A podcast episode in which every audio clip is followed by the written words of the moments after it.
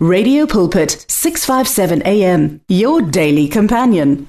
Kulohlelo lapho sithi khona mphathalatsane ngilithatha leli thuba ekseni kungolosihlanu mlaleli ngikubingelele egameni elihle igama lenkosi Jesu Kristu waseNazareth ngiphinde ke ngithatha leli thuba ngibonge nakubahle enhlapho uNkulunkulu ke ambusise ngoba phela mlaleli into enhle iyabongwa. Bonga. Ake siqhubeke ke mlaleli nendaba yethu esifica laphayana kuJohn chapter 11 mlaleli. Ivikele endlule sigcina lapho mlaleli uMartha noma uMaria wezwa ukuthi uJesu uyambiza. Lawa mazwi wawathola kudade wabo. Kungakho ke kubalulekile ukuthi ke abafowenu nabodadewenu ubazise ukuthi uJesu uyababiza. Ungabi selfish ngoba wena usindisiwe kuphelele lapho. Abanye bethu asibazisi abafowethu nabodadewethu ngenxa yama grudges noma yamagqubu izinto abazenza empilweni zethu. Nanoma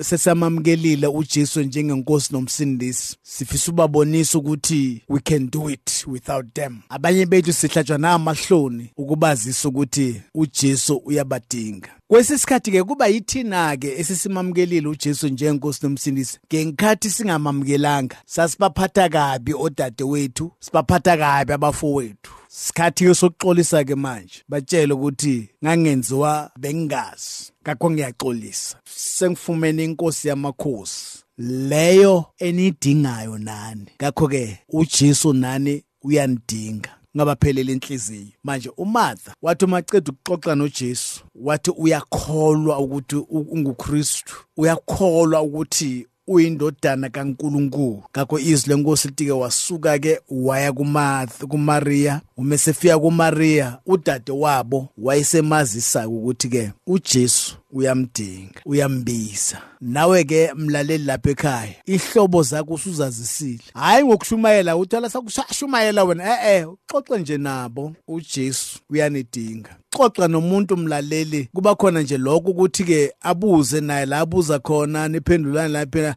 manje uma soshumayela wena eh bakubona uba ngumsindo nje kepha hlala nabo phansi uxoxe nabo. Manje ke sigcine lapho ke uMaria uma esezwile ukuthi umfundisi ukhona noma uJesu ukhona futhi uyambiza. Izwi lenkosi lithi ke wasuka masinyane waya kuye. Uma sifunda ke kuverse 30 iBhayibheli lithi ke kepha uJesu wayengakafiki emzini kodwa wayesekuleyo ndawo uMartha amhlangabeza kuyo. Bese ngakafika emzweni ngamamagama wagijima uma uMartha ngenxa ukuthi ke uthola indaba ezimnandi ngenxa ukuthi uxoxisene nenkosi. Mlalele uma ukhuleka ukhuluma nenkosi. Yindaba ezimnandi ezibalulekile ezindlula zonke indaba mlaleli ezikhona ezweni. Ngakho ke lezo zindaba zokuxoxa nenkosi zokukhuleka kuNkulunkulu zokukhuluma noNkulunkulu azikwenze mlaleli ukuthi ke uyobazisa ukuthi uNkulunkulu nani mndeni nani family nani bafowethu nani bodade wethu nani zihlobo? Uyanibiza uyanidinga mlaleli. Ungavele uyithulela ube selfish nawe haba bakubona nje sokucwebezela eh eh khuluma nabo. Nani uJesu? Uyanidinga kepha izwi lenkosi lalithi ke kepha uJesu wayengakafiki emzini kodwa wayesekuleyo ndawo uMartha amhlangabeza kuyo. Ngamamagama kusho ukuthi ke wacela empunzini mlaleli ngoba le ndaba ziyajabulisa ziyathokozisa ukuthi ke nanga uJesu sekhona ngakho ke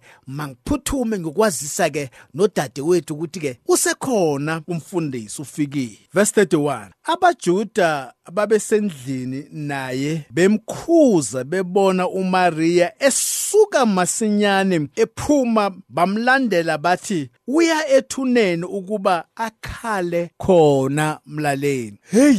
Ngamamagama wezwe indaba ezimnandi ukuthi uJesu khona. Akazange asabheka nesimo abhekene naso mlaleli.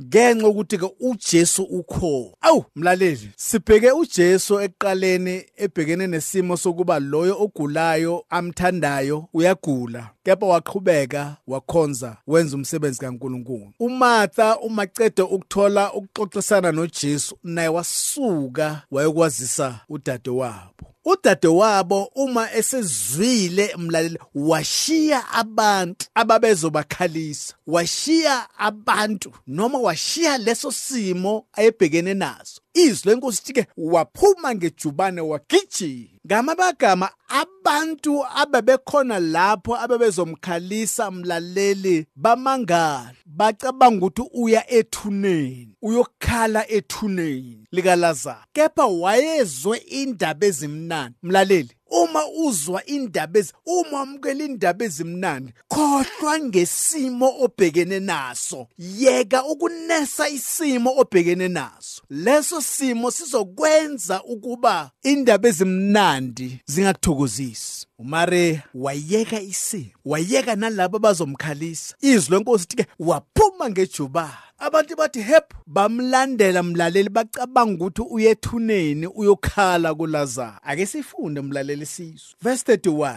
abajuda babesendlini naye bemkhuza mlaleli. Bebona uMaria esuka masinyane ephuma. Bamlandela bathi uya ethuneni ukuba akhale kho mlaleli izwi kaNkuluNkulu elindaba ezimnandi. Lisakuthokozisa yini mlaleli izwi likaNkuluNkulu liyakwenza yini ukuba ukhohlwe ngezimo ezikhona? Uthokoze nje ukuba sebukhoneni bukaNkuluNkulu. Asisho ukuthi ube livila. Ngomuntu avela ahlala eBhayibhelini eh ajike nelanga eh ilanga lonke yena uhlele eBhayibhelini uyafunda mina ngiyafunda mina uyathandaza.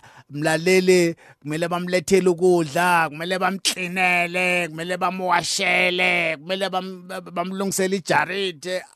Hayi mlaleli yonke into inesikhathi sayo ashilo umshumayeli yonke into inesikhathi sayo fica umuntu ahleli iminyonke ufunda ngiyajula ezwini ngiyajula. Akenzi next akaklini endlini akapheki akaklini ijalithi akasebenzi. Okwakhe nje kuphela izandla zakhe zintomfontofo mlaleli. Azibambi next la izwi lenkosi lithi abajuda bamkhuza futhi benze njani? Bamlande ngenxa ukuthi ke bacabanga ukuthi uya ethuneni. Uyokhala kuphi? Ethuneni. Verse 32 uMaria esefika lapho ekhona uJesu embona. Wawa ngasezinyaweni zakhe wathi Nkosi uma ubukhona umnewethu ngaye ngafanga. Sebekhuluma into eyodwa umlaleli uMartha naye ufika wathi kuJesu Jesu kube bowukhona nge umnawethu engafanga. noMaria naye futhi usuphinda lawo mazwi. Izwi lenkosi te wawa ngasezinyaweni zikaJesu. Wathi Jesu kube bowukhona nge umnawethu engafanga. Ake ngibuze mlaleli ngempela ngempela nawe uJesu empilweni yakho? Ngempela ngempela uyakholwa kuJesu na? Ngempela ngempela uJesu uligugu empilweni yakho na?